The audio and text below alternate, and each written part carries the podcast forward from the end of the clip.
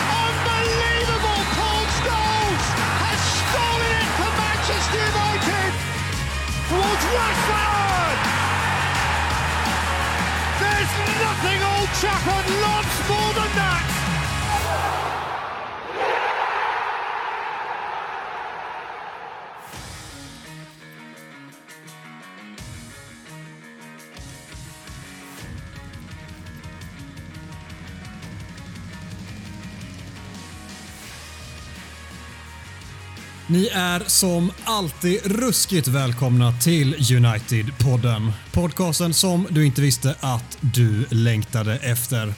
United-podden görs i ett stolt samarbete med både den officiella supporterklubben MUS och United-redaktionen på Svenska fans. Och när vi är inne på just svenska fans så sitter ju Mikael Martinsson här, nyss hemkommen från ett litet, litet möte va? Ja, vi hade en mysig tillställning här i centrala delarna av Stockholm på Bojan Djordjic. Eh, Ställe faktiskt Bistro Ellen samlades svenska fans järntrust på en skribentträff. Så vi förvarnar lyssnarna att det är, är en eh, fyra bärs in eh, Martinsson här. Favorit Det är han som Martinsson. bäst alltså. faktiskt. Ja, jag visst. Och där hör ni ju Gustav Kulle också som har tittat in idag. Hur är läget med dig? Jag behöver ingen inbjudan. Jag, jag bjuder in mig själv i samtalet här. Det är bra med mig, tack Adam. Ja, vi hade fan inget val den veckan. Nej, så är det. Nej, men jag fyller gärna in. Alltså. Ja, men Micke, ja. vi är båda vi är delade chefredaktörer, tror jag fortfarande. Eller, eller har du gått runt och sagt att du är ensam chefredaktör hela kvällen då på Svenska fans-träffen? I din frånvaro så eh, Ja, men så vid senaste styrelsemötet så eh, var det 7-4 till ledamöter att du skulle ur position. så att säga. Så, där är vi. Ja, så är det. Så, sån där prasseljacka där. Du har ju skrutit här att du fick någon sån här Svenska fans prasslig vindjacka där. Tog den till mig också eller? Merch. Ja, de hade ingen Excel faktiskt, så, tyvärr. svagt, svagt. Ja, får du gå ner några pannor och se om du kan klämma i den där. Men på tal om att gå ner pannor. Eh, Adam, vi måste följa upp här. Eh, det spelades något viktigt här förra veckan. Någon form av korpen-tillställning. Kan du liksom fylla i? Vad, vad hände egentligen? Ja.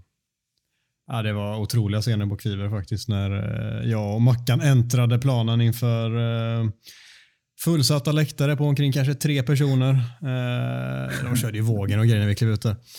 Det var så fint och vi kom ju dit eh, precis innan matchstart. Hade ju inte insett att Kviber är 200 kilometers mil långt och eh, är på parkeringen en kvart innan matchstart. Tänker det här är alldeles lagom. Hinner vi slöra på oss eh, skorna och värma upp lite lätt. Men vi inser att vi ska spela på plan 16 just det och den är inte precis här. Nej, just det. Så vi får ju börja gå. Vi inser att ja, men nu borde vi närma oss. Vad är det för plan här? Nio? Vad i helvete? Det är ju sju minuter till liksom matchen börjar. Ja, då är det ju joggen som gäller va? Inte ombytt eller någonting. Kommer bort i planen. Tjena gubbar. Ja, för det blev ju uppvärmningen va? I vanliga kläder liksom. Jeans och hela grejen. Och så bara slänga på oss kläderna vid planen. Nej, nej, det har vi inte bytt om. Vet du. Så det är på med kläderna, hälsa på gubbarna. Man har ju träffat hälften av dem innan. Liksom. Resten är ju så här hopplock, dina kompis, kompisar och kollegor och allt möjligt. Liksom. Första gången vi ska spela ihop. Så eh, det är tjena tjena, det är hit med en tröja, det är liksom på med nya, eh, nyinhandlade skorna och så rätt ut på planen. Domaren står och blåser tre gånger innan vi får upp sju gubbar som kan ut på planen. Och så sparkar vi igång direkt. Vet du, och Mackan får bollen på avspark ska passa mig, missar ju såklart den passen och där inleder vi matchen jättebra. Såklart. Eh, men såklart vi lät ju inte det bryta ner oss och så går vi hem med en 7-0 seger och allt är frid och fröjd. Alltså otroligt. Vem får veckans macka eh, från, från Korpen-premiären? Alltså så som Mackan har snackat upp sitt tillslag och skjuter två skott typ som att han tror att det är field goals han ska göra. Och eh, domaren lite smått hånar honom och säger att snart kanske det är dags att träffa mål i kil med det. Eh, så han, alltså Mackan själv tror jag till och med hade satt sig själv på sista platsen om jag ska vara helt ärlig. Om du, om du skulle, skulle jämföra din och Mackans spelstil med en, med en Manchester United-spelare, vem hade du plockat då? Liksom? Kom inte Han är med ju inte. Berbatov tänker jag. Liksom. Kom inte med Fletcher nu igen Adam. Det, det har vi hört. Helt okej att säga Nej, men tänk, eh, tänk, Ma- tänk Mackan, så här, han tycker att han är en liten skön ytterback nu. Så nuvarande spelare så är det typ Dalot. Han är ytterback i grund och botten, får spela som en av två mittbackar nu men fyller ju bara på framåt. Och tänker inte bakåt, försöker göra lite goa finter emellanåt, lyckas ibland. Och vi pratade i förra veckan om att Dalot hade riktigt eh, höga och usla inlägg. Det var inte inläggen som var problemet hos Mackan, men det var ju avsluten då istället. Så, eh, Ja. Eh, Jag skulle nog säga att han är en Dalot. Själv så var jag ju, alltså som min favoritspelare, en Michael Carrick i sin prime, helt överlägsen planen. Väldigt bra. Jag gillade aldrig Michael Carrick. Alltså. Ja, det, fin- det finns ju så mycket att ta tag i här på ditt korta referat Adam. Alltså man undrar ju, motståndet funderar man lite grann kring med tanke på er, er liksom seriositet i uppvärmningen. Joggar med jeans och grejer liksom fem minuter kvar. Var det- var det några koner ni hade ställt utan upp, dess eller? like. Hade ni ställt upp Nej, några men det kan jag koner? ju inte uttala mig om. Det är ju respektlöst liksom. Eh, Det var eh, gedigna fotbollsspelare som eh, säkert skulle platsa i valfritt Manchester United-lag. Sen får ni tolka in i det precis vad ni vill. Vad blev det då? Jag känner att det är så här, som att det började. där. Ja, men jag, sa, jag sa ju att vi vann med 7-0. 7-0. Så är det? Ja, okej. Så Ja. mycket fakta Ja, där Det var ju därför du trillade av stolen förut. Det? Ja, i och för sig. 7-0 alltså. Ja, det är starkt. Ja, ja, ja, ja överlägset. Själv så eh, gjorde jag noll mål. Det är en bedrift i sig att göra noll mål när vi har så många. Sju assist. Eh, Men jag räknar egentligen bara tunnlar när jag spelar fotboll. En, en tunnel, eh, noll assist, en hockeyassist. Det var väl typ det. Och nej, jag var inte så jävla bra jag ska vara helt ärlig. Jag typ ramlade ihop av mig själv för jag var så jävulst trött. Alltså benen hängde ju inte med. Nej. Det var bland det jobbigaste jag gjort, men kul var det. Kul ändå. Jag känner att i, i brist på Ja, andra roliga fotbollsmatcher så pratar jag hellre väldigt mycket mer om den här corporate-matchen än att gå vidare till nästa segment. Eller så kan du spela jingeln och Ja, hoppa ja, rakt in i Talk of the Town. Du väljer Adam. Ja, det, det är ju nästan så jag vill välja det sista alternativet. Men vi kan ju lobba för att vi har eh, mer content på Korpenfronten nästa vecka för det är ju dags imorgon igen i ösregnet i Göteborg. Det hatar man ju inte en Korpenmatch i. Ja visst, vi kan fan bara köra Korpen framöver. Jag tror att folk tycker det är nog mer intressant att lyssna på. Men eh, Gustav, innan vi går vidare, det ryktas lite grann om att du har varit och härjat igen nu. Fan vad du är berest. Jag har varit resande faktiskt. Kortare, kortare sträcka här. Så det är ändå i, i, i Skottland har jag varit med, med två gamla svenska eh, batanter faktiskt. Varit ute och rest lite en lång helg, vandrat lite, druckit lite whisky och eh, åkt lite i Sir Alex Fergusons eh, gamla krokar där. Har ni, vi körde igenom hans, hans födelsestad där faktiskt. Vart är den någonstans? Är det För två Motherwell? poäng. Motherwell är helt fel alltså. Nej, jag kan Nej, inte. miss. Nej, det är svagt alltså. Men du vet vem han, är, han gamla tränaren vi hade? Du känner Nej, svagt. Fortsätt lite så Ja. kanske det klarnar. Ja, Glasgow har ni hört talas om. Det var där han lite slog igenom, men det var inte därifrån. Ska man få högsta poäng ska man säga Govan, alltså som är den här lilla, lilla, lilla industristaden utanför Glasgow. Där kommer han ifrån. Ja. Ocharmig kan jag säga. Behöver man inte åka till eh, om man inte gillar Sir Alex Ferguson. Men Skottland är jävla charmigt alltså. Det rekommenderas varmt. Och man, man märker det när man lämnar London och England som är lite syrligt sådär så är det bara att komma upp till värmen i Skottland. Alla är väldigt trevliga. Så det, det rekommenderas varmt att åka till Skottland. Förstår man vad de säger eller? Ja, det kanske är det som är grejen. Jag hör inte vad de säger. Det är alla, jag missar alla insults för att de ser så himla trevliga ut. Liksom. Eh, Jag hör inte vad de säger. Och jag har druckit så mycket whisky och öl. Det är liksom alla stjärnorna står, står i linje på något sätt där som bara får att det blir en bra, det blir en bra upplevelse. Ja. Är det, är det där det är sådär känsligt att man egentligen bara ska hålla på och dricka scotch och grejer i Skottland? Eller, är det, eller har jag missuppfattat det där? Ja, nej, men jag tror inte att man går in på en skotsk pub och beställer en irländsk whisky. Alltså det, eller ännu mer det är amerikansk väl- bourbon. Det tror jag inte. Ja, det är det värsta du kan göra tror jag. Ja, någon som drack bourbon faktiskt. Eh, Jonathan Spector. Han jag såg honom på den här, jo, på riktigt faktiskt. Det är en sann historia. följetong för er som lyssnar på julavsnittet. Han eh, var inte bara på Mikrobryggeriets pub, han var även, de hade även en bourbon-sektion där var han och drack fin bourbon. Så det, det har vi på Jonathan Spector. Alltså, jag, jag måste ju passa på när du säger det här. Nu är du inne på de här eh, dryckesreglementen eh, som finns lite överallt. Eh, det är väldigt, eh, det är väldigt långsökt referens. Jag varnar här innan. Ni är vana vid dem i och för sig, men Ja, vi är med. Alltså var det, vi, jag, polare, eller jag och två polare var i USA på lite långresa. Och så var vi i eh, Arizona-öknen någonstans. Eh, ett ställe som heter Lake Havasu. Har ni hört talas om det? Nej, jag, plockar, bara, plockar bara Phoenix i Arizona, annars har jag ingenting. Alltså. 35 mil sydväst om Phoenix ungefär ligger det här stället. Och det, är, det är ett populärt eh, turistställe. Googla Lake Havasu. Eh, garanterat eh, trevlig upplevelse. Men hur som helst i alla fall. På det här stället så finns det förutom London Bridge. Alltså de har importerat en bro från London. De har skeppat Ah. över den till Los Angeles, kört in skiten rakt in i Arizonaöknen och monterat upp den på en ö som ligger i Lake Havasu. Och på den här Det är klart ön, de har gjort. Så amerikanskt.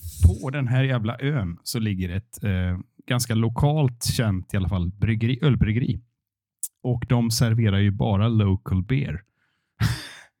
det är bara att eh, ja, eh, en av mina två reskamrater då är, ja, vad ska man säga? Han är inte riktigt med i matchen, så han går liksom in och, och ställer en fråga. Jag tänkte, fan har de bara Heineken här eller? Do you have any local beer? Eh, och de bara vänder sig om och tittar liksom på, på utbudet. Och, eh, no. det fanns alltså inga, inget annat än lokal öl. Men eh, han ställde ändå frågan för att vara säker. Så kan Ja, det bra. Jag gillar hur du liksom vänder historien också, att det inte är du som är huvudpersonen. Det vet vi att det är du som ställer den där frågan. Och det är dina kompisar som brukar berätta den. Men det är en bra, det är en, det är en 3 plus historia Micke. Jag kommenterar inte ens Ja. det. Det är, så, det är så väntat så det... Ja. Nej, men det är bra faktiskt. Vi kan Vad låta den eh, otroliga anekdoten få avsluta det här lilla myssnacket. Så ska vi prata om en fantastisk insats från Manchester United.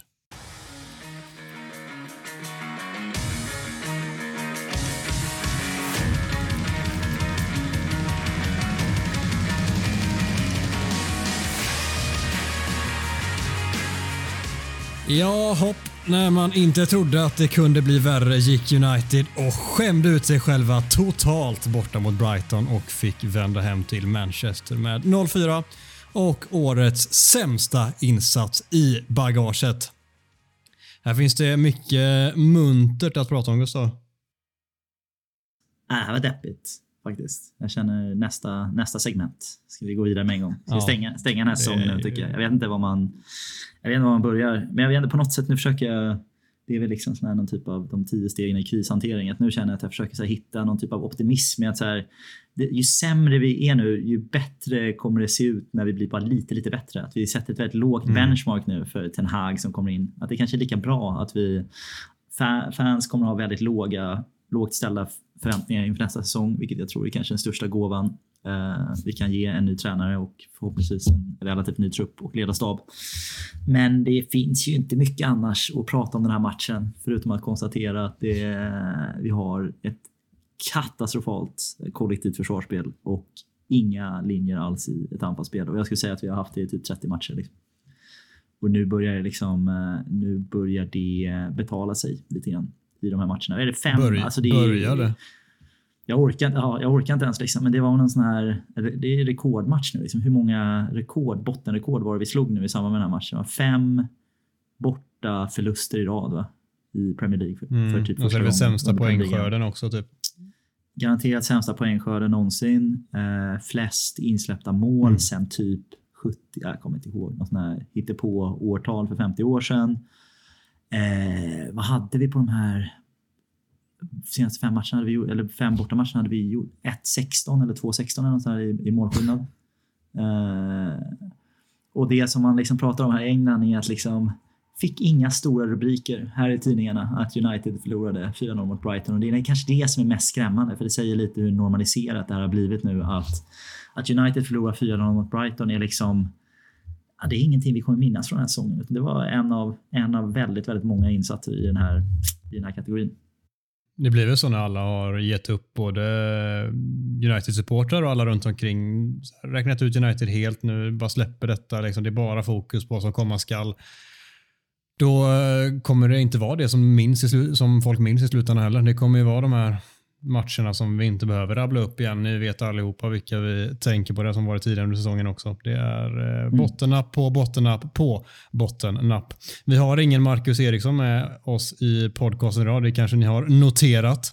Men vi har en eh, Micke som istället för veckans macka får köra en veckans Micke. Jag önskar dig ett rejält, ordentligt jävla lycka till.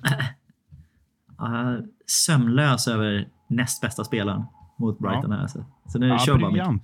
briljant övergång Adam och tack för stödet Gustav. Eh, Nej, men veckans eh, bajsmacka, får, vad ska vi säga då? Veckans bajsmicke eller vad? Ja, det, blir, det blir svårt det här, men Kan vi bara börja kalla det veckans bajsmicke generellt i, i podden? Jag tycker det, det har en klang liksom. ja, alltså jag, du får gärna kalla det om vi förlorar eh, fler matcher med 4-0, då är det fritt fram och använda det namnet. Ja, nu hörde alla det där ute. Nej, men eh, vi säger så vi tar en liten Mackan-take på det här ändå i hans frånvaro. Får man ändå hylla upp hans eh, aura lite grann och det var lite negativ här. Så att, eh, får jag byta ut namnen på kategorierna här så väljer jag då minst usel, eh, näst minst usel och mega deluxe usel. Skulle jag vilja lansera här. Här gillar jag. Kör. Kör, kör, kör va. Ja, men då, då tänker jag så här eh, att eh, vi har ju en eh, kandidat som ändå har fått visa sina framfötter här det sista. Och eh, ja, Det är bland det sista framträdande som den här mannen ger oss. Och Jag tänker att kanske lite, ja vad ska man säga? Inte barmhärtighet är fel ord, men jag är lite snäll här då när jag ändå väljer att lyfta fram Juan Mata som den minst usla i, i laget här. Jag tycker ändå han eh, gör det okej okay, och det är inte hans fel att vi torskar med 4-0. Så att, eh, jag har valt att ge Juan Mata eh, det minst usla betyget. Ja, Dödstyst. visst. det, det blir jättebra. Det, är- ja, det känns helt okej faktiskt. Ingen, Det går ingen liksom inte att slänga in ett take. motbud på något sätt åt någon spelare. För så här, vem, ja, det är få, du hade det kunnat säga ett par ja. spelare. är här, Ja. Ja, Nej, ska vi gå vidare Han var väl eller? okej. Ja, Ja, du- gå bara vidare.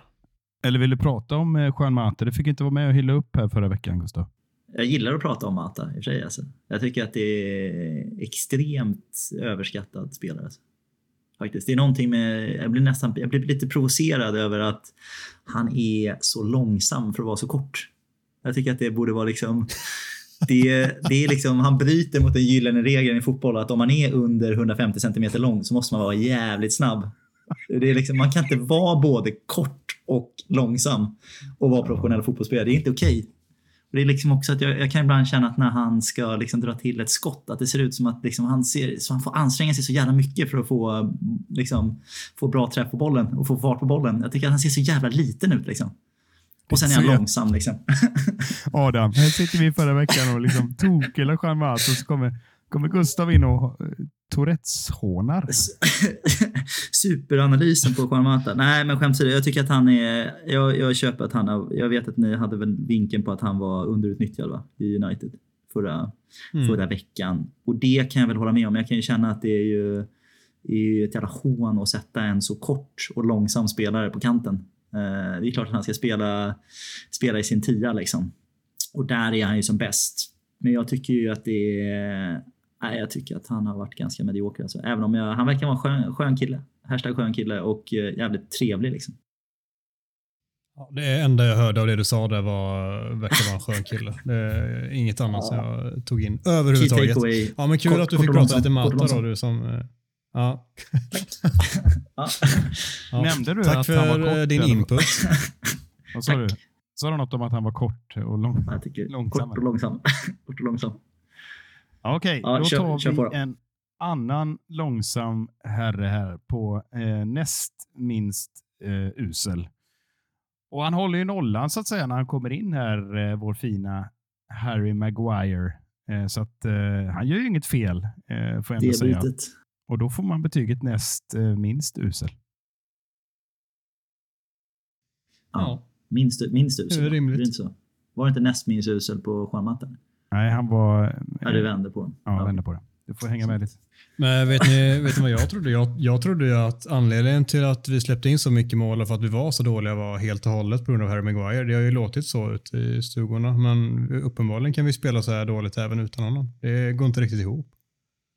Ja, det intressanta när du säger det var ju att eh, när vi slog Brentford så läste jag en statistik att vi inte hade vunnit eh, utan Maguire på, jag vet inte vad det var. Det var en helt sjuk jävla siffra. Han, har, han har ganska bra statistik.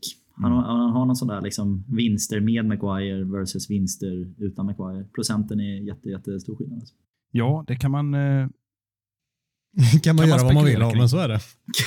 men eh, kan man spekulera i. vi har ju Ja. en, en sportövergång då lite från resonemanget här att, eh, att vi, vi kunde tydligen förlora utan Maguire då. Eh, så eh, ja, alltså nu var det dags tycker jag. Nu måste jag slänga in en motivering här för att jag vill påstå att det här är den sämsta insatsen jag har sett den här spelaren genomföra sedan Huddersfield-förlusten. När José Mourinho skällde ut honom fullständigt och hängde ut honom på att torka i skiten. Victor Lindelöf är väl eh, inblandad i stort sett alla mål på ett eller annat sätt. Och eh, Jag vet fak- faktiskt inte riktigt vad han sysslade med överhuvudtaget. Eh, Han säger att han aldrig läser media eller omdömen om honom, men nu känns det som att man har, han har läst på lite grann här att Maguire är första val, Varan är andra val och så ska de köpa in en till mittback för jag vet inte riktigt vad han sysslar med, men jag tycker han var klart sämst i laget. Victor Lindelöf. Ja, av jättemånga usla insatser så är jag beredd att hålla med dig. Den var ett otroligt bottennapp. Det var ett bottenlöst bottennapp. Och eh, vi har sett ett gäng sådana under säsongen och han stod för ytterligare en av dem. Och då menar jag inte av honom utan av spelare i United. Men han var nästa man på tur för det här var riktigt jävla uselt.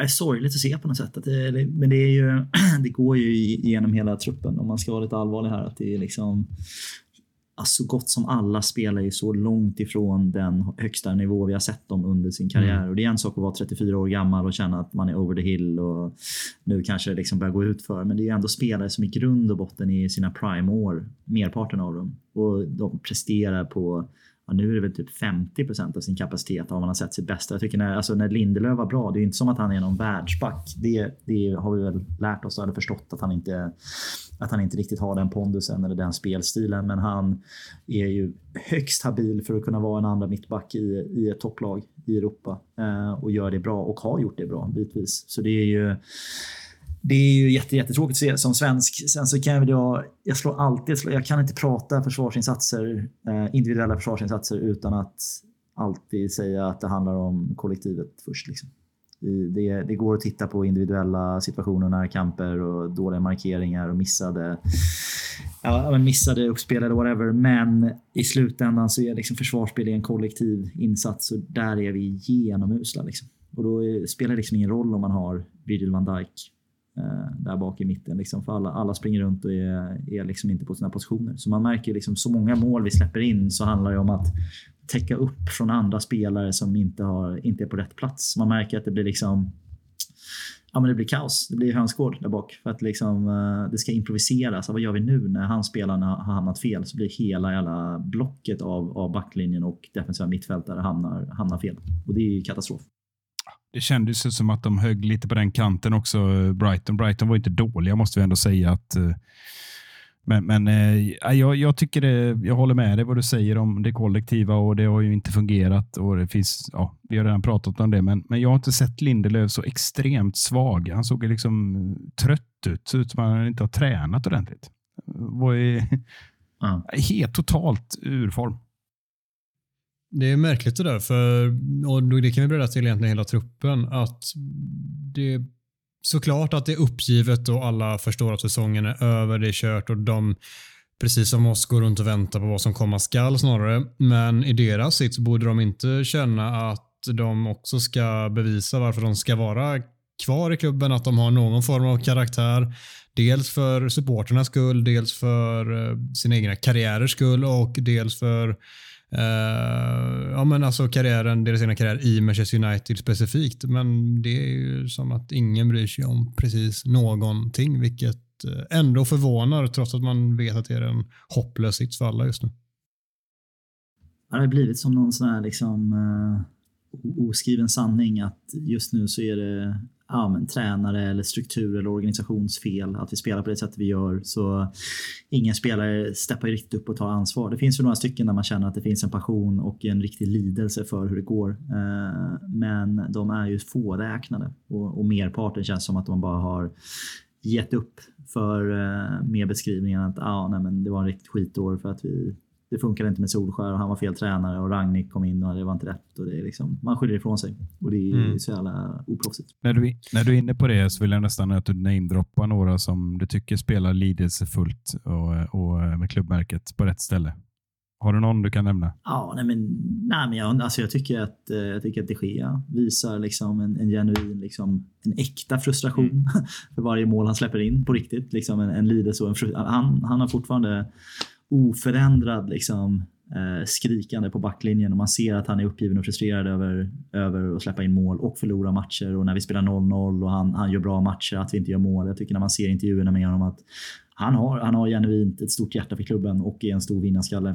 Eh, upplever jag. Eh, McTominay tycker jag man ser i den, de, eh, i den mån han spelar. Eh, att man verkar, märker att han brinner för klubben också och lider för liksom, resultaten vi har. har också ett par bra, bra intervjuer. Jag tycker Ronaldo är ett superproffs.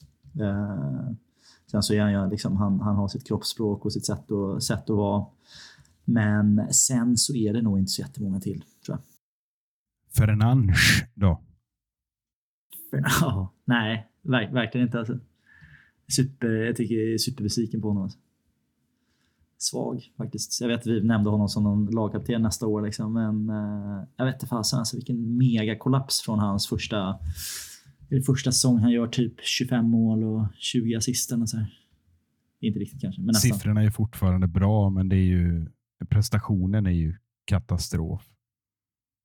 Ja. Nej, men liksom, nej, men det är så här, det är de, man får ändå titta på vilka spelare det är som i grund och botten ska ta huvudansvaret. Och det är även, jag kan känna varann. Liksom. Vad fan har vi? Det är så riktigt svag säsong ändå om man tittar på, på hans impact. Där tycker jag kanske mer Varann än Ronaldo kan jag känna att man jag hade större förväntningar på vad Varann skulle göra med vår backlinje än vad jag hade på vad Ronaldo skulle göra på vårt anfallsspel.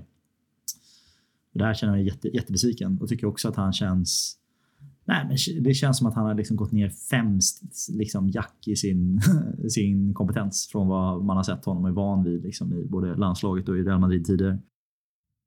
Ett mysterium. Vad jag kan gilla, vad jag kan gilla med Bruno, åtminstone i efterhand för supportrarna som var på plats, Manchester United-supportrarna sjöng att spelarna inte var Uh, vad, vad sa de? Att de inte respekterar tröjan, liksom, att de inte borde få bära United-tröjan. Uh, kort och gott var det de uh, skanderade från läktarhåll.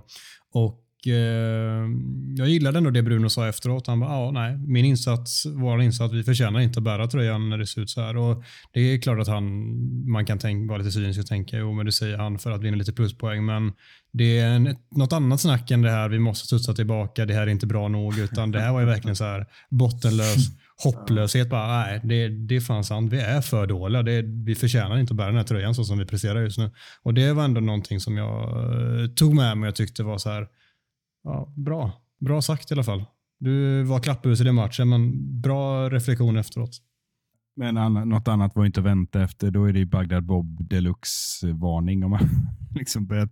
Jag tänkte säga det. Cynikern i mig känner att det är billiga poäng att plocka. Liksom. Lätt, lätta ja, poäng men, och, Ja, och men det var det jag sa. Så här, men jag håller med. Standardsvaret är liksom så här, vi måste studsa tillbaka, det är inte bra nog. Men det här var ändå nästa nivå. Liksom så här, vi, vi förtjänar inte ens att bära tröjan. Det är ju väldigt sällan man hör en spelare säga. Och han sa till och med sig själv, jag tror att han till och med specificerade, det gäller även mig. Liksom, ja. Att, eh, ja, exakt. Ja, exakt. Liksom. Så det, det, ska han ha en, eh, ha en extra poäng för tycker mm. jag. Ja, vi får ge honom. Ja, det får vi ge honom. Ja, är vi asnöjda när man pratar om den här matchen eller? Det känns så. Nej, jag skulle vilja köra ett varv till. Nej. Det får du absolut inte göra, så vi kör en jingel där.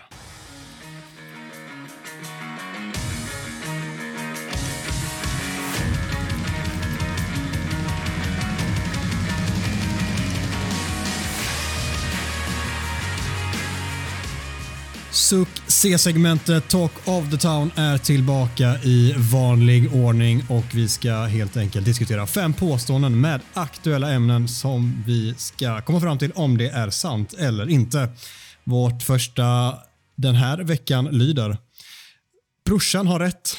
United är skyldiga Jesse Lingard en ordentlig avtackning. Och för att få lite bakgrundsinfo här så är det väl kort och gott att eh, Jesse Lingards brorsa gick ut på sociala medier efter hemmamatchen eh, senast mot Brentford där eh, han eh, kritiserade klubben för att Lingard inte fick en riktig avtackning efter alla år i klubben och efter vad han tycker att, då att Lingard har gjort för den här klubben. Vad är ditt ställningstagande här Gustav? Eh, nej, jag tycker nog att han har på något sätt han har stökat bort alla sina rättigheter tror jag och, och bli, få en fin avtackning i United här, den här säsongen. Han känns liksom... Det har, det har inte blivit bra. Eh, så jag kan, och sen så kan man väl också konstatera, och det har väl diskuterats de här senaste veckan också då, efter det här att det, det är ju, finns ju större spelare där ute som, som inte har fått ordentliga avtackningar eh, och missat matcher. Jag, jag vet jag nämnt Brian Robson, kapten, fick inte, fick inte spela sin sista match. Eh, etc, etc. Det finns, det finns gott om Steve namn, så jag Bruce. tycker inte att det är någon... Steve Bruce var det så också kanske. Eh, ja, men jag tycker det är liksom... Jag tror Gary Neville har väl satt, satt vad heter det, huvudet på spiken där vid något tillfälle. Att det är liksom ingen mänsklig rättighet att få någon, få någon superstor avtackning. Och Jesse Lingard är verkligen inte en spelare som kommer etsa sig kvar i minnet för mig eller vars tröja man ska hissa upp i taket som en United-legend. Även om jag vurmar för våra akademispelare och talanger och tycker att det är fantastiskt att se de här gamla bilderna på en typ fyraårig Jesse Lingard i, i sån här full kit wanker kit. Liksom. Så han är ju en, en United-fan ute i spetsarna och det är ju härligt. Men eh, nej, jag tycker brorsan har fel. Var det så vi sa? Brorsan har rätt. Brorsan har fel där tycker jag. Det han förtjänar ingen, ingen, inte mer än vad han har fått. Ja, alltså, nej, jag tänker inte, jag tänker inte bestrida det här på något sätt, Gustav. Du, du är något på spåren. Vad har vi ens på, på Lingard? Avgjort fa Cup-final, va? Har vi det? Han har gjort Crystal Palace övertiden. Vad snyggt. Han spelat, vad sa de? Han spelat tre cupfinaler, sa brorsan det? Ja, något, sant, något sånt. Ja. Startat tre. Men det känns Ja. som att eh, du är inne på någonting där att eh, finns det något jävla legacy överhuvudtaget och, och liksom hålla på och härja med det här? Jag vet inte, jag har dålig koll på hans bror och, och, och sådär. Hur, om han har varit inne och, och vevat innan kring det här. Ingen aning. Men eh, det känns ju som att eh, ja, det är många före i kön om man ska bara nämna det här eh, frånfällorna vi har i, i det här laget. Så Jesse Lingard, eh, nej. Alltså, vi skulle ha släppt den här killen när han gjorde en succé i West Ham. Det hade varit perfekt för honom att lämna då lite på topp och gå vidare och bygga vidare sin karriär. Det här känns ju som att eh, eh, ja, det, är, det, är, det är dubbel frustration här på något sätt. Och jag tänker mer att det är väl en känsla att, att det blir tufft för Lingard att att närma sig landslaget igen. Han ska hitta energi i en ny klubb. Ja, med en disclaimer att det kan säkert, det kan säkert gå, men eh, att börja härja om det här, liksom, även om man är en genuin United-spelare på det sättet, så nej, det, jag tycker att brorsan har fel också. Jag stannar, stannar där. Ja, och det håller jag med i. Det där tänker jag inte gå emot. Det, det är absolut så att brorsan har fel av de anledningar som ni har räknat upp. Sen kan jag tycka att eh, han borde fått mer speltid den här säsongen än vad han har fått. Eh, särskilt i perioder när, och efter jul här också, när vi har varit så dåliga vi har varit. Det har varit extremt formsvagt i, på hans positioner. Han gjorde någon match där de ändå kände att det var någorlunda positivt. Lite mer speltid hade han kunnat fått, men eh, det är inte mycket mer än det jag vill tillägga egentligen. Det, det, han har absolut inget, liksom, det är ingen rättighet att få en avtackning, utan det förtjänar du verkligen. Och så som hans senaste tid har varit i klubben, vilket inte är enbart hans fel, men eh, så som den ändå har varit så eh, det är absolut inte så att han ska kräva ut något sådant. Eh, nu är det hans brorsa som har gjort det, men det känns väl ändå som att det ligger åt, eh, att det lutar åt Jesse Lingards tankar det också. Var inte li- nu är jag inte, ja, ta det här med en nypa salt, men var det inte så att han, han också var ganska tidig själv med att han inte ville förlänga kontraktet? Jag skulle Jo. säga att det kom från honom mer än United. Nu kanske det kanske inte hade varit så himla aktuellt ändå, men det gör ju också att han själv signalerar att han inte har något problem att gå gratis från, från United. Som, eller han vill gärna göra den och få lite agentpengar och, eh, och få lite, eh, ja, men kunna få ett bättre kontrakt. Eh, så jag skulle vilja få det till att det var han som började den. Eh, eh, den, den resan liksom. och det är Ja. inte heller så snyggt tycker jag. Nej, men det är väl bara så här hönan och ägget. För Klubben visade Ja. uppenbarligen och tränarna Han inte att så här spela att så där heller. han Nej, skulle så- spela och då landade väl det också. Men det, ja, eh, oavsett så jag håller med. Vi, vi landade i att brorsan har fel. Ralf Rangnick är vår sämsta tränare sedan Sir Alex Ferguson. Och Gustav, du fick börja förra, men jag tänker att du ska få börja här också, för du som har kastat in denna och vi har ju vridit och vänt på Rangnick i podd efter podd och särskilt lite extra på senare tid. Vi kände väl att, har vi verkligen fog för att prata mer om honom? Nu har vi inte sagt allt, men du skulle prompt ta in Det denna. har vi energi för Adam. Du, det har vi energi Otroligt för. svagt. Vi se, Vad sa vi att, vad, vad sa vi att, vad sa vi att frågeställningen var här? Jag känner att vill suga på orden lite. Vad sa vi? Ralf Rangnick är, Ja, det får du eh, säga, jag minns inte. alltså, vad sa du? är vår sämsta fotbollstränare sen, eh, sen Alex Ferguson. Är det så? Det känns spontant. Det känns fel alltså. Jag tror att han är, han är vår sämsta fotbollstränare någonsin tror jag. Alltså. Inte bara sen, sen Ferguson alltså. Jag tycker det är... Nej, men det är det här... Det här experimentet, jag, jag signalerade lite redan i, i julas här, eller januari att man kände att jag tycker sällan sett så dåliga framsteg på, på en trupp. Och den här, hela den här ny, nytränareffekten som man i alla fall brukar få, det får ju liksom alla bara man till och med anställer Tony Pulis liksom, så får man fem matcher garanterat med lite energi i en trupp. Det fick vi liksom inte. Vi fick typ en sån match kanske med Ragnik. Men sen så var det direkt liksom 0-0 matcher och oavgjort och eh, löpte mindre än motståndarna. Jag tycker att det är, jag tycker, alltså som fotbollstränare tycker jag att han verkar vara en ren bluff alltså, 22. Jag tycker att det har varit Alltså, om, man, om man tittar på den truppen som han, han får, om man tittar på hur det har varit med exakt samma spelare med Solskär och Michael Carrick.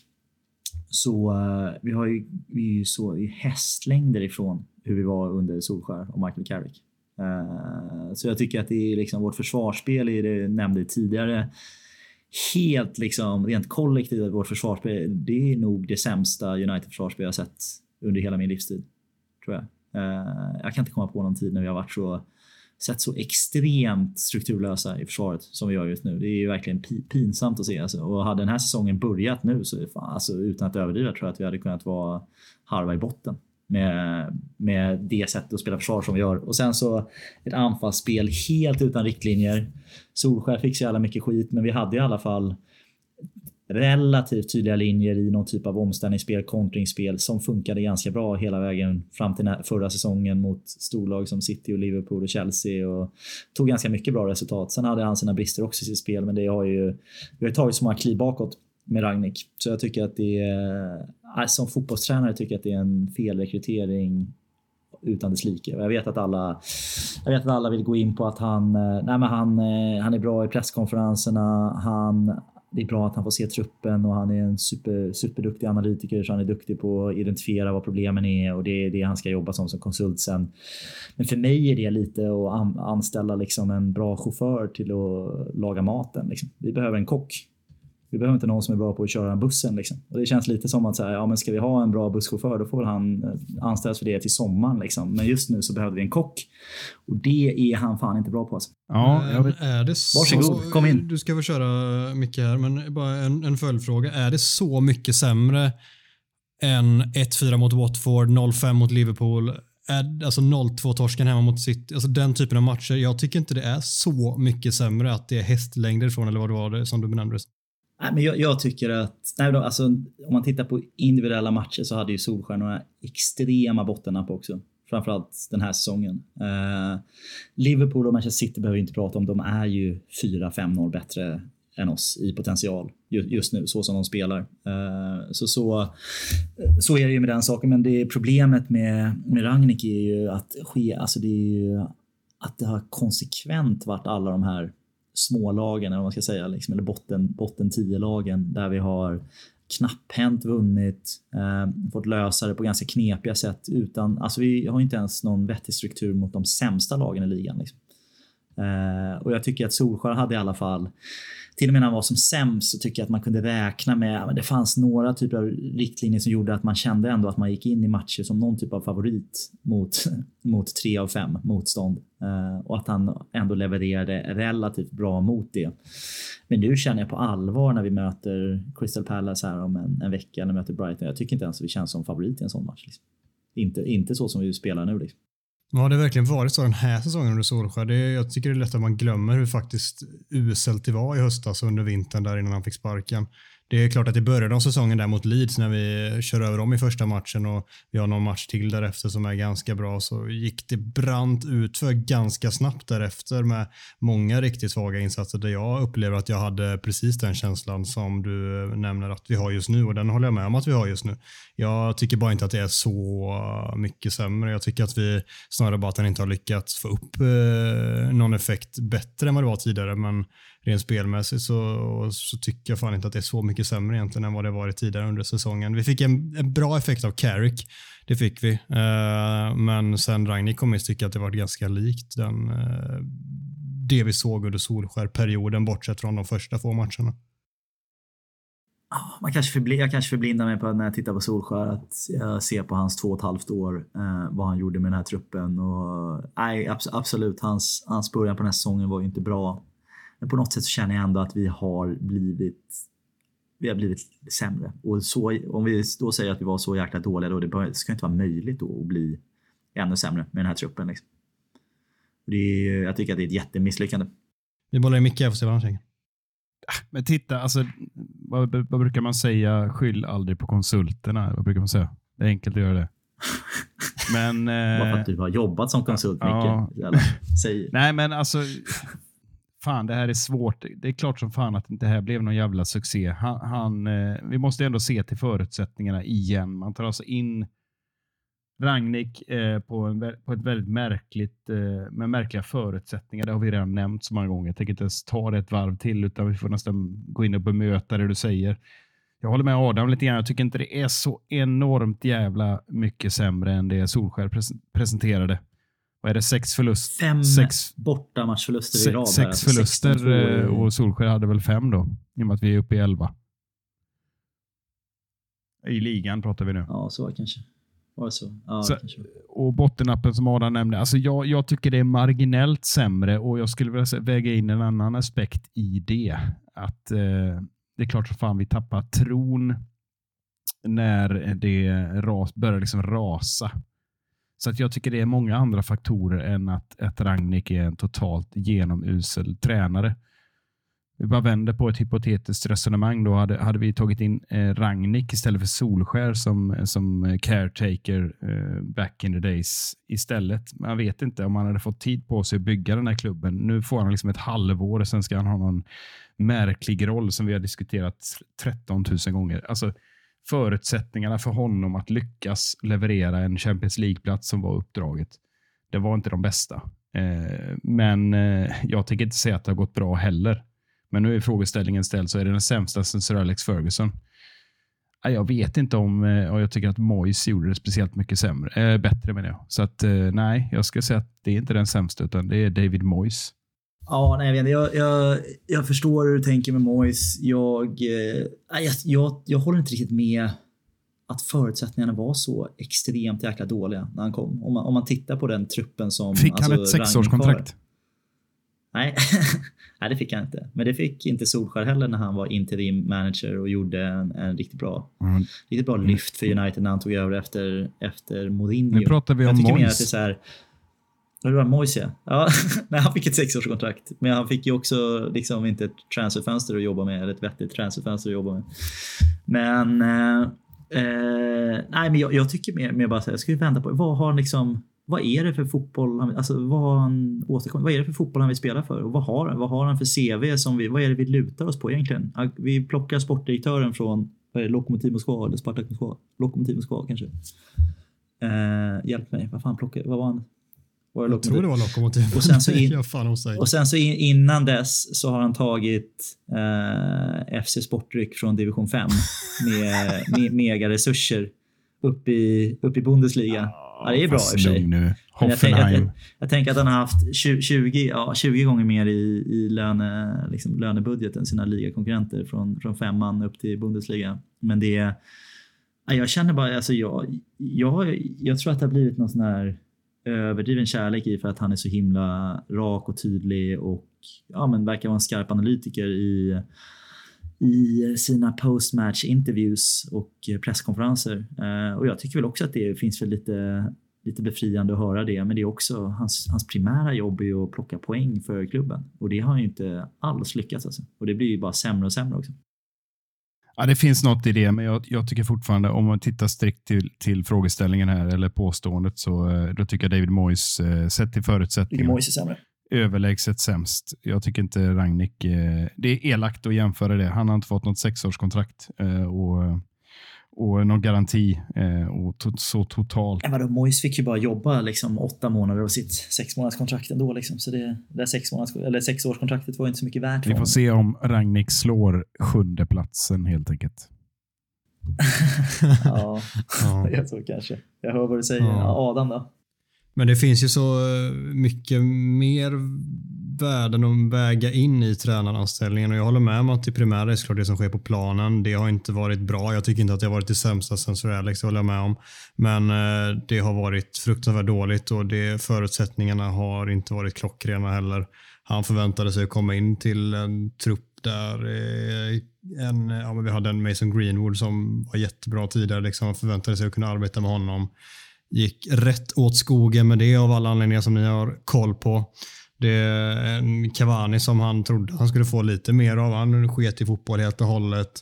Ja, och så här, det, det går att hitta förklaringar till alla. Liksom. Så här, han har ju själv sagt att han ville ha nyförvärv i januari. Att klubben bara, nej, vi skiter i det. Du får jobba med det som finns.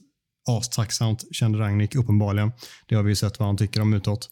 Eh, men oavsett, så här, jag tycker det finns mer att prata om också kring tränaranställningen än bara det vi har sett på själva fotbollsplanen. Och då, är det, då väger jag in det som vi ser vid sidan av och vad det kan betyda framöver. Jag tror att han är inne och vänder på stenar upp och ner och blotta brister i klubben. Det är en del av hans tränargärning också i Manchester United. Det är inte hans primära uppdrag. Hans primära uppdrag är såklart att ta poäng som du är inne på Gustav. Men jag tror eh, att eh, det kommer bli en stor del av eftermälet och jag hoppas att det blir det, att det inte bara är någonting som sopas under mattan och eh, glöms bort utan att han faktiskt har blottat detta, att det kan ge någon form av effekt framöver. Och att han eh, blir kvar i klubben på något litet sätt i den konsultrollen som vi inte vet exakt hur mycket den kommer spela in, men den kommer finnas där. Och det vi pratade om tidigare, jag tror att det gör nytta att han har varit i truppen, han har koll på de här spelarna, han vet vad det är för karaktärer, vad de går för. Jag tror att det kan ge, ge oss rätt mycket långsiktigt. Det har vi behövt tror jag väldigt mycket. Sen eh, det är fortfarande självklart jättedåligt på fotbollsplanen. Det kommer jag aldrig säga någonting annat än att det är så just nu. Men jag tror att det finns vissa delförklaringar och att det finns andra effekter som ska vägas in också gentemot de andra tränarna som eh, är bättre än vad vi tror. Men det kan också bara framtiden utvisa för vi eh, vet ju faktiskt inte vad som kommer ske. Så det är bara att titta tillbaka om några år. Mois vet vi vad han fick för eftermäle. Vi vet inte vad Rangnick kommer vara förrän om eh, en tid framöver. Jag eh, tänker att jag lämnar ordet fritt och ser om det är någon som vill plocka upp någonting från det. Någon som vill säga någonting mer innan vi går vidare. Ja, men jag känner alltså det, det, det, jag sitter, sitter här och hoppar på stolen. Nej, men jag, jag känner att det, det som eh, det, det jag vill hugga mest på är det här överdrivna fokuset på hans, hans konsultroll. Liksom, där jag känner att det är inte värt att vas, vaska en tränargärning för att någon ska få eh, insight. Det måste finnas ett, ett enklare sätt att få att vara nära en trupp och göra det där konsultjobbet som det är tänkt att han ska göra i, i sommar. Man, man, behöver inte ha, man behöver inte vara huvudtränare för att få vara nära en trupp och ta reda på vad det är för karaktär eh, i liksom spelarleden. Utan jag, jag känner att det, det kan mycket väl vara så att han, han gör jättebra research, men jag tycker fortfarande att det är liksom priset att, att ha så extremt dålig utväxling på planen. Och jag känner liksom, äh, men jag, jag tyckte ändå med Mois liksom, det fanns någon typ av spelidé, det fanns någon typ av tanke. Jag kunde se någon typ av linjer i vad han försökte göra i, i Ragniks fall. liksom, formationsbyten. Lite oklart vilka spelare han... Nu har han väl börjat sätta sig vilka spelare han litar på. Liksom. Men han har ju liksom inte fått en enda spelare att lyfta sig. Eh, och jag tycker, jag har alltid drivit tesen att det enda sättet man egentligen rättvist kan, kan bedöma en tränargärning på är om man får spelare att bli ungefär lika bra på den nivån som de är. Om de blir sämre än vad man tror att de är eller om de blir bättre än vad man tror att de är. Och då finns det ju liksom tränare ute som typ Jürgen Klopp som får James Milner att se jättebra ut. Man tittar på deras mittfält liksom bitvis hur de ställer upp och kollar på namnen och känner att så här, ja, fan, det här är liksom inte alltså James Milner är ingen jättespelare. Det hade vi, honom hade vi hånat i United. Om vi hade haft James Milner i United hade han sett ut som Matic eller, eller McTominay eller whatever. Och det är ju tränarens jobb liksom att se till att de blir den bästa versionen av sig själv. Och det är ju, Ferguson var ju ypperlig på det, vilket vi har sett sen med spelare som Tom Cleverley och Nani och Ashley Young och Valencia och whatever. Liksom. Spelare som uppenbarligen blev ett par snäpp bättre än vad de Det har vi ju inte haft någon tränare efter SAF som har kunnat nej. göra. Det är nej, ju får... inte bara Rangnick. Det har ju inte varit någon som har kunnat det. Nu tycker jag du är ute och ja, seglar Gustav. Alltså, du, är igen, du, du som jämför äpplen och päron här, tycker jag. Förutsättningarna. Du kan inte jämföra Klopp eh, och Sir Alex med, med Rangnick när han har fått ett halvår på sig. Nej, men så här, på ett halvår förväntar jag mig att se att han får några spelare att prestera på minst den nivå som de är kapabla att göra i alla fall. Det är väl liksom, det, är det hans jobb. Ja, men det är klart han skulle ha gjort det bättre. borde han ju få, liksom, förutom David de Gea, som det är väl den enda spelaren som han inte är tränare för, tänker jag. De får väl en målvaktstränare. Liksom. Liksom, det måste finnas någon annan spelare som han, han borde kunna få ja, men den här spelaren frodas i alla fall i hans system eller tror på hans idéer eller har lyft sig lite grann. Liksom. Och det, det är ju ingen. Liksom. Jag, tycker, jag tycker snarare att han, han har eh, Visst, eh, hans spelsystem har inte fungerat, det har vi sett, men han har, eh, som Adam är inne på, tycker jag, visat vilka brister som finns och lagt, sandat grunden här för kommande Ten Hag. Så att jag, eh, vi är inte alls överens här, det märks.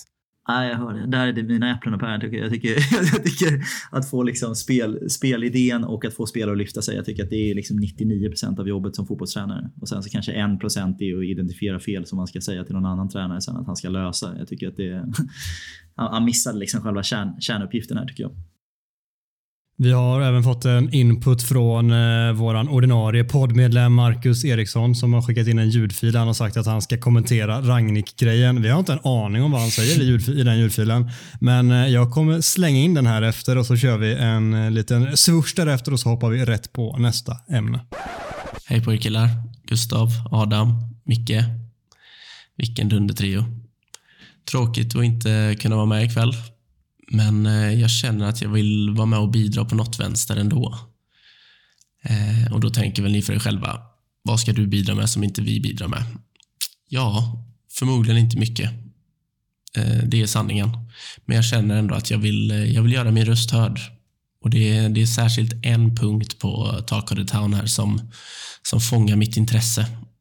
Och Det är ju såklart punkten om att Ralf Rangnick ska vara vår sämsta tränare sedan Sir Alex Ferguson jag förstår, jag förstår kritiken mot, mot Ragnis insats som tränare. Jag, jag gör verkligen det. Men att sträcka sig så långt som att säga att han är vår sämsta tränare, jag vet inte om jag kan det.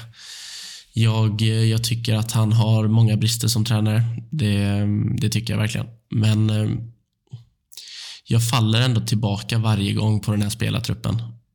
Det, det kan inte vara lätt att komma in mitt under brinnande säsong och med förväntningarna på sig att nu ska du vända det här till något bra mycket bättre.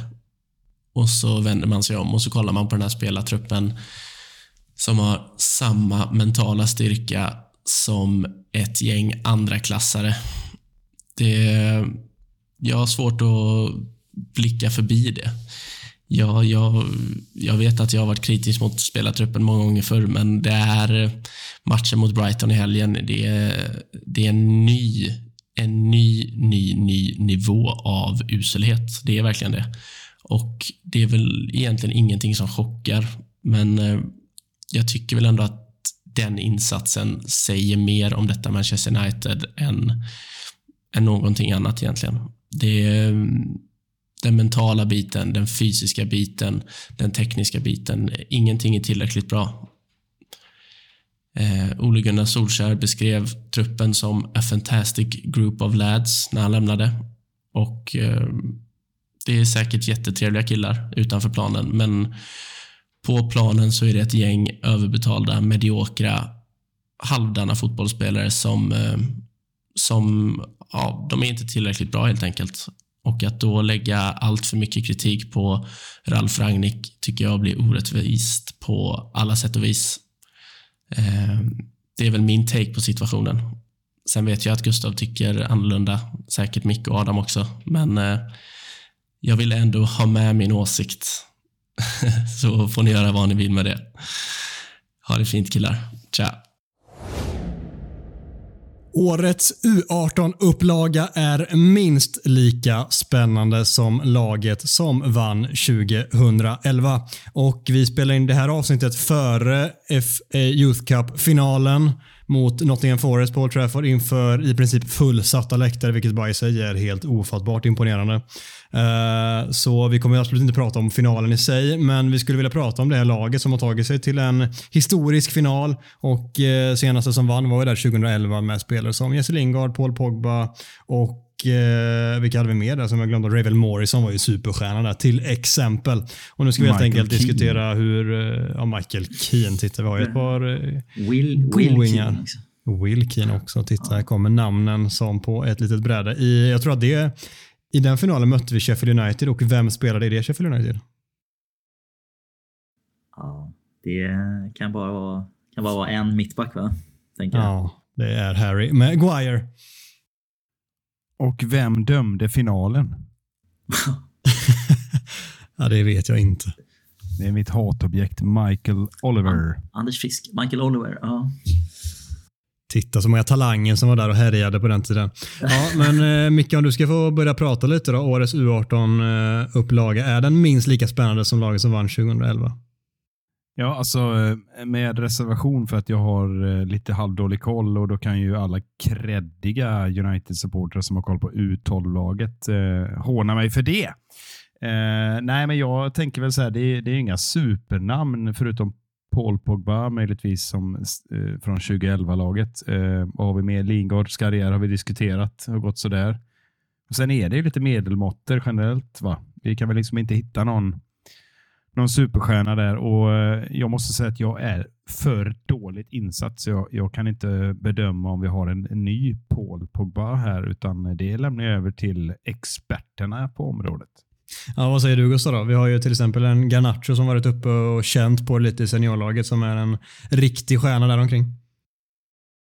Ja, men det har vi väl. Det är, det är väl ett par. Jag, jag ska väl eh, inställa mig lite i mickeledet här. Men jag har sett ett par matcher har jag sett här i år. Jag har sett, eh, sett cupmatcherna faktiskt all, allihopa fram till, fram till final. Men eh, gru, grundkänslan är att vi har ju, det finns ju mycket talang här. Det är ett par, par namn som är riktigt intressanta. Garnacho förstås. Eh, Alvaro Fernandes, ytterbacken som man plockade från Real Madrid. Eh, jag tror ett år eller två år sedan.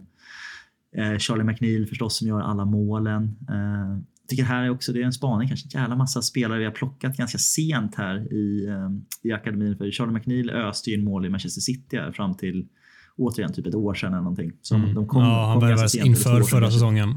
Inför förra säsongen. Och det ska tilläggas bara för de som Ja, inte har koll på han, han var ju i Manchester United innan det. Gick sen ganska väldigt, väldigt tidigt till City där han då enligt rapporter gjorde över 600 ungdomsmål vad det nu är värt och sen så kom han då tillbaka till Yes. United inför förra säsongen. Så var det, precis. Nej, men det är i alla fall en liten, liten spaning där. Både Atletico Madrid, det är väl Garnacho från, eh, kom väl också här bara för något år sedan och så Fernandes och så, och så McNeil. Men det, det finns ju, och, sen är det ju, eh, vad heter han, Kobe Mainu, va, mittfältaren. Han Mainu. är väl den som jag kan känna som, Mainu, ja precis som, där finns det väl Ja, jag, jag skulle nog inte säga att det är Pogba-potential, men han känns ju, han känns ju spännande. Liksom. Men i, i det stora hela så tycker jag, som sagt, de här namnen vi säger, jag tycker det är ju ett par ganska, ganska starka talanger där. Framförallt, alltså Pogba var ju, jag såg ju faktiskt några av de här matcherna på vägen. Man mötte Chelsea i FA-cupen där 2011. Eh, Pa- Paul Pogba mot Josh McEachran som var superhypad i Chelsea, central mittfältare i samma tid. Eh, såg jag också här för någon helg sen kan jag säga. Vad, vad hände med Josh McEachran kan man tänka sig. Han Ja, spelar nu herregud. för MK Dons spelar för riktiga, det hatlaget. Så de såg jag. Han såg lite lätt rund ut. Så det blev, in, blev, blev ungefär samma, samma för honom och Pogba den här säsongen. Ingen av dem hade en särskilt bra säsong. Eh, men eh, jag, jag tror att det jag tyckte att det fanns, med, alltså Ravel Morrison ska vi verkligen inte skriva ner heller. Det var, det var en supertalang då. Eh, som sen har haft en resa som kanske inte har blivit så bra. Men det fanns ju, det var, var ett gäng spelare där. Michael Keane gick till Everton, Sam Johnston, landslag, West Bromwich, eh, Jesse Lingard, Pogba, Morrison. Jag tror att det, blir, det kom fler Premier League-spelare eh, från den kullen än vad det kommer komma från den som är Vi måste ju kommentera kaptenen Tom Thorpe. Har ni koll på var han befinner Just sig det. nu? Thorpe. Nej, den Nej, har jag han, inte. är lång, han är också långt ner. Alltså. Han är och harvar eh, på andra sidan jorden eh, där det är lite varmt just nu. Indien Ja, spelar i Indien, så? Super League Ja. i ATK Mäktigt. någonting. Underbar Det undrar honom. jävla felbranding. Superligan. Man blir så besviken när man kollar på Superligan och så är det Indien. Det är ingenting som är super med den ligan. Alltså. Nej, det är det verkligen inte. Det ska gudarna veta. Alltså. Nej, nej. nej, men det är såklart jättesvårt att veta. Men jag, jag skulle, och så, eh, givetvis eftersom att det är ett lag som har tagit sig till final också, så är det ju troligen ganska jämnbördigt. Vi får se om det är någon som når till Paul Pogba-höjd eller om det är eh, knappt där under. Det återstår såklart att se. Vi har ju även en Shola Shortire som jag vet inte uttalas så, men jag glömmer fan alltid av hur han ska uttalas. Uh. Short- Shortier. Ja visst, vi, vi dunkar ut den. Och vi har en Joe Jugil som gjorde jättemycket mål, haft mycket skadebekymmer tyvärr, men eh, som kom från Sunderland och eh, gjort mycket mål innan han skadade sig. Och så har vi en eh, tredje spelare, norrman Isak Hansen Aröen, Aröen som jag tror är, eh, är eh, det korrekta. Han eh, är ju en otroligt mysig spelare att titta på. Han är så extremt spelsmart, ruskiga fötter, men eh, lite som Gustav säger kring Matt, han är kort och inte världens speedkula. Men eh, ruskig passningsfot och Ah, alltså, han är rolig redan. att titta på. Vad hände med Shola Shore till det? Liksom? Var- stannat av lite grann. Varför inte han aktuell längre? Stannat Ja, av lite Det var grann. va? jäkla hype ju. Mm. Det finns säkert de som har har han- bättre... Har han varit skadad eller något? Eller? Ja, jag, jag som har Den här på varför han inte pratar som honom längre. Exakt, den här säsongen har jag mest också sett eh, just Youth Cup-matcherna. Eh, ett par i, eh, i eh, ja, vad heter den? Uefa Champions Youth, Champions, vad heter den? Youth League heter den. Youth League heter den. Eh, ja, där har jag sett ett par matcher, men det är betydligt mindre än vad jag brukar se, så jag har inte riktigt lika bra koll i år som jag har haft eh, tidigare. Så eh, jag kan inte svara helt på vad som hänt med Shola den här säsongen, men uppenbarligen så har ju utvecklingen inte varit eh, i takten som man kanske hoppats på. Sen om det berodde på, eh, berott på skador eller andra faktorer, det låter jag andra som är mer kunniga att svara på. finns säkert en googling bort. Mm. Fem byten skulle bara gynna storlagen. Och eh, det är ju så att Premier League är den enda topp 5-ligan som kör tre byten. I de andra ligorna kör man fem och även i kuppspelen kör man fem byten. Men Premier League valde att bara köra tre den här säsongen och det har ju diskuterats fram och tillbaka om man ska gå eh, upp och matcha de andra med även fem byter, byten i ligan. Micke, vad är din ståndpunkt här? Nej, men som jag förstår det så är det ju klubbarna som får rösta i det här. Eh, Och Sist man tog upp Mm. den här diskussionen var ju lite fortfarande i spåren på covid-våg nummer 23. Eh, Och då, eh, ja, men då, då, då var det ju det jag läste mig till eh, lite större klubbar som ville ha kvar tre. Och det, det överraskade mig lite grann, det, det lilla jag läste kring det. Eh, Nu kommer jag inte ihåg vilka det var, men det var, jag läste någon rad om att det var större klubbar. Och Jag tänker att det är ju anmärkningsvärt ändå med tanke på att fotbollen går så pass mycket snabbare nu och eh, ja, man, eh, det är liksom allting ska gå fortare. Frågan är hur fort kan spelarna springa, hur hårt kan de jobba etc. etc. Skaderisken. Kevin De Bruyne säger att alla spelar, vi spelar så många matcher och gnäller på det hela tiden. Klopp klagar, eh, ja, det är det enda han gör, är klagar på spelschemat och kommer ha det som ursäkt när de torskar alla sina titelmöjligheter nu och så vidare. Men eh, nej, jag tycker väl det, det finns en risk att det kan eh, gynna eh, storklubbarna, ja. Men samtidigt så eh, är det inte dumt att för, eh, för ett bottenlag att ha lite byten för att orka springa och jaga eh, Manchester City när de håller i bollen. Nej, men jag tycker att vi ska gå till, till fem byten. Dels på grund av att Eh, det är mer matcher och det klagas ju konstant på hur utslitna spelarna är. Och det kommer säkert påverka på något sätt att som påståendet lyder att det skulle gynna storlagen mer än eh, än de andra lagen, men jag håller på storlag och jag vill att det ska gå så bra som möjligt för Manchester United och jag tror att vi skulle gynnas av att ha fem byten. så eh, därav säger jag kör fem byten, ja tack. Ja, jag, är, jag känner den här, den här frågan kan jag dela upp i två. Det, det ena vad jag tycker om fem byten generellt och det andra är väl påståendet i vem jag tror det kommer gynna. Det, faktumet är ju att eh, när Premier League valde att gå tillbaka till tre byten här i år när alla andra gick tillbaka till fem så tror jag att muskelskadorna ökade med typ 40 procent vid någon, vid någon poäng vid säsongen. Om det hade gått 20 matcher eller någonting så var det liksom en ökning på ja, men så vanliga muskelskador, så förslitningsskador på muskler. Ehm, så det är ju uppenbart. Eh, det finns ju statistik som, eh, som underlag på att spelarna spelar för mycket matcher. Eh, och det om man tittar på ja, men i Premier League nu, Liverpool som ja, uppenbarligen går till varenda jäkla final de kan den här säsongen, kommer ju spela närmare, jag tror de kommer spela typ 65 matcher, 63, 64 i alla fall. Eh, Eh, om man tittar i botten så ett, ett typ Norwich spelar ja, 38 matcher i Premier League och kanske 3-4 cupmatcher. Så de spelar, säger att de spelar 40 matcher, lite drygt. Liverpool spelar 60-65 matcher en sån här säsong, Det innebär att de spelar alltså 50% mer matcher än, än lag som de ska, sen ska möta på en Monday night. Så det är inget snack om att redan där finns ju redan en fördel för Norwich att, ha, att få vila. Men på något sätt så tycker jag att det är det är lite, jag tycker att det är lite tjusningen med, med fotboll. Dels att det är, det är en uthållighetssport också. Jag tycker att man ska byta halva, halva laget är för mig tycker jag är, är obegripligt. Jag tycker att det är lite charmen är att det ska vara ett litet det ska vara lite trötta ben efter 70 minuten om det har sprungits mycket som ska öppna upp lite ytor och som ska göra att det blir lite mer mål sista 20 minuterna. Det ska inte komma in fem stycken färska ben liksom sista, sista 20 minuterna eh, för att kunna stänga till matcher. Så jag, jag tycker att det är, fotboll är en uthållighetssport och så det ska bara vara tre byten och sen så tycker jag att det är ett sånt jävla lyxproblem och superlarvigt tycker jag av typ Klopp och Guardiola som varit ute och, och, och vevat över att eh, spelschemat är för tight. När man har så jävla stora budgetar som de har Eh, och inte rotera sina trupper mer. Liksom. Som att det skulle vara någon mänsklig rättighet att man ska få spela sina 11 bästa spelare i 63 matcher i en säsong. Utan tanken är väl att man har en trupp på 20, 20 spelare plus och så får man rotera lite. Det är väl, så har det väl alltid varit. Så var det för United när vi vann våra tripplar och så här också. Det var inte, det var inte samma 11 hela säsongen. Det roterades ju friskt. Liksom. Det är det som är själva poängen med att man ska, ska visa att man är det bästa laget över en säsong. Inte att man är den bästa startelvan.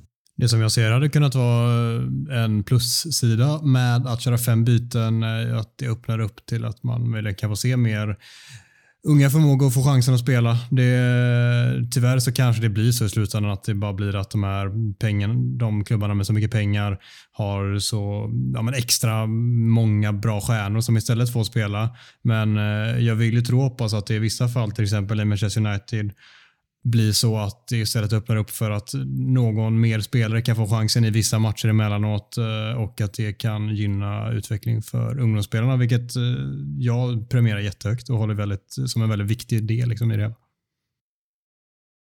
Ja, ett, eh, ja, det hade varit bra. Eh, jag tror lite önsketänk. Alltså. Jag känner att ju, ju mer pengar klubbarna får så, så är det, det är mer en, en spännande spanjor i Premier League som kommer få vara det där femte bytet än att man sätter in en, en, en inhemsk talang. Liksom. Så jag tror att det är... Nej, jag, jag, som ni hör, jag gillar inte fem byten alls. Men jag tror att eh, storklubbarna kommer gynnas av att få slippa dotera sina svindyra 20-mannatrupper så mycket så att man kan spela sina bästa spelare lite oftare med fem, fem byten.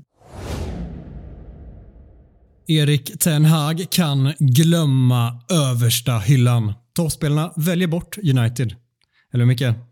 Ja, här tror jag är en jätterisk. Eh, och det, det, är väl lite det som ja, tongångarna går i snacket här om rebuild. Att eh, nu ska vi inte köpa etiketterna på, med glansig päls på översta hyllan. Utan nu får vi nog helt enkelt eh, köra en Arsen Wenger och gräva fram lite franska talanger i Ligue 1.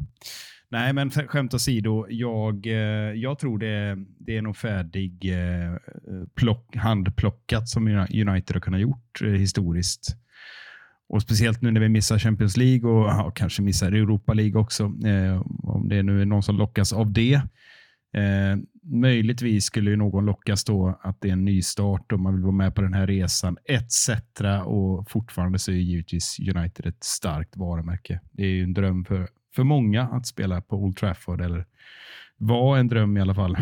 I år har det väl inte varit det, men Nej, men jag, jag, tror, jag tror det här är eh, risk att det blir ett par mellanår, eh, men samtidigt så tänker jag att det kanske inte är så jävla dumt för det.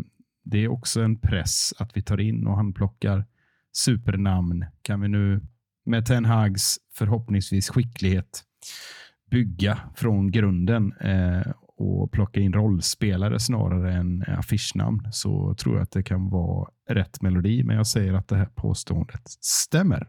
Ja, nej men jag... eh, Nej men det, det är svårt att inte hålla med om tror jag. Jag tycker att det är väl... Eh, idag så har det dykt, dykt upp här att eh, har väl blivit klar för eh, City. Så Va? vi kommenterar det. Det är ju Mm. djupt obehagligt och jag gillade mest den här bilden jag såg på eh, Roy Keane. Han eh, såg till att skicka ut pappa Haaland från, ja, från eh, planen helt enkelt för gott. Det gillar vi.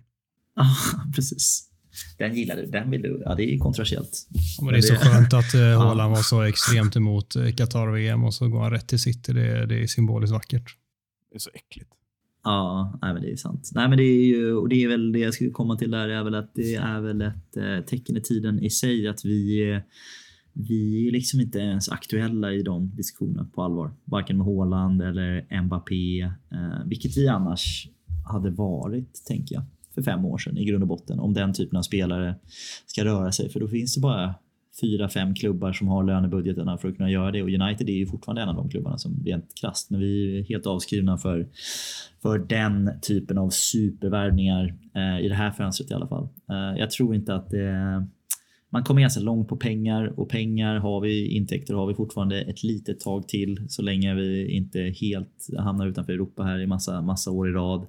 Så jag skulle tippa på att vi, vi kan vara tillbaka om, om ett transfer år. Så att, eh, näst, sommaren 2023 tänker jag att vi kanske kan hugga på de här namnen igen om vi, om vi får lite, lite vind i seglen här med Ten Hag första säsongen och kanske tillbaka på en fjärde plats och Champions League och, och lite bättre vibbar. Men just nu så är det ju ingen bra marknadsföring. Det tror jag vem, alltså det är vem vill gå till United just, just nu. Liksom. Det är knappt att man ens vill göra det som inhemsk spelare tror jag. Jag tror att man, man har åtta andra klubbar i England som man nästan hellre går till just nu om man inte är väldigt, väldigt penga, pengasugen. Ouch. Så det är... Åtta Ouch. andra klubbar. Vi, vilka går före idag? Och här kommer de. ja, precis. Den synar du. Den synar du. Ja, men det är väl de vanliga. Sen så är det väl Leicester och Newcastle har väl pengar så de kanske går före. Mm. Släng in West Ham där också. Där var vi. Ja. där fick du din åtta. Frågar man så får man. Eh, nej, men... Eh, nej, så jag tror det faktiskt. Men jag tror också att det är en så kallad blessing in disguise som vi säger här borta. Att det är bra faktiskt. Att vi inte ska hålla på Mm. och ägna oss åt top shelf namnen. För det är också, de är dyra. Det är omständigt. Vi eh, skippade ju Håland för två säsonger sedan av en anledning. Eh, för det var ju att han, han, hade den här, han krävde den här 60 miljoners klausulen även om han hade gått till United. Eh, som hade gjort att han hade fått... Han kanske efter två år hade hamnat någonstans i City ändå. Liksom. För att de, så ville de skriva kontraktet. Den gode Mino Raiola ville eh, se till att det blir mer agentarvoden snart. Eh, så jag tycker det är, ah, det är nog supersunt att vi håller oss borta från den typen av, av namn. Och vi har ju fasen Varan, Sancho, Ronaldo från förra transferfönstret som två av dem ska väl i alla fall hålla i, i fem år till här liksom, och ska kunna vara världsklasspelare. Så vi behöver inte tycka så synd om oss själva tycker jag. Nej, jag tänkte också landa in i samma take som du, att det är lite av en blessing in disguise. Eh, såklart att eh, ja, det hade väl inte varit asfel att få in en Mbappé eller Haaland, liksom, förstå mig rätt, men det, vi har varit så jävla usla på den typen av värvningar och jag tror att det snarare är ganska bra att eh, Ten Hag får jobba på ett lite annat sätt, att klubben får jobba på ett lite annat sätt. Jag tror det kan vara väldigt nyttigt för oss, att det kommer ge oss mycket. Ehm, det kommer nog förmodligen också ge Ten Hag lite mer tid, vilket eh, vi alla förespråkar att han kommer behöva få också.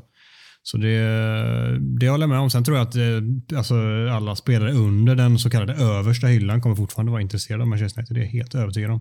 Det är bara de här absoluta största, största stjärnorna som vi inte kommer kunna lösa den här sommaren. Men de precis bakom som är stora up and coming, eh, det är absolut, jag, jag är övertygad om att de fortfarande är intresserade av att gå till Manchester United. Jag tror att vissa nästan underskattar vad United kommer på vilket sätt United ändå kommer locka spelare från och med i sommar. Det är klart att det inte är jättetrevligt att se United här och nu, men eh, från och med sommar med nytt projekt med en tränare som jag tror tilltalar väldigt många, som gör att många blir väldigt intresserade att se vad det här kommer ta vägen.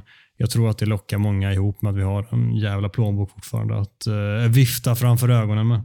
Ja, men plus att eh, jag vet att du, du är intresserad av det här Gustav och, och syna liksom lönestrukturen och det finns det en ganska god chans att städa upp i de där böckerna och bygga en, en, en ny och liksom mer hälsosam och hållbar som alla ska säga överallt. Men det är ju det faktiskt det det handlar om. Den har inte varit hälsosam, våra, våran lånebok, eller vad säger, lönebok. Det har varit katastrof. Liksom. Nu, nu finns det en chans att bygga liksom en vettig liksom, trappa uppåt för, för unga spelare som kommer in.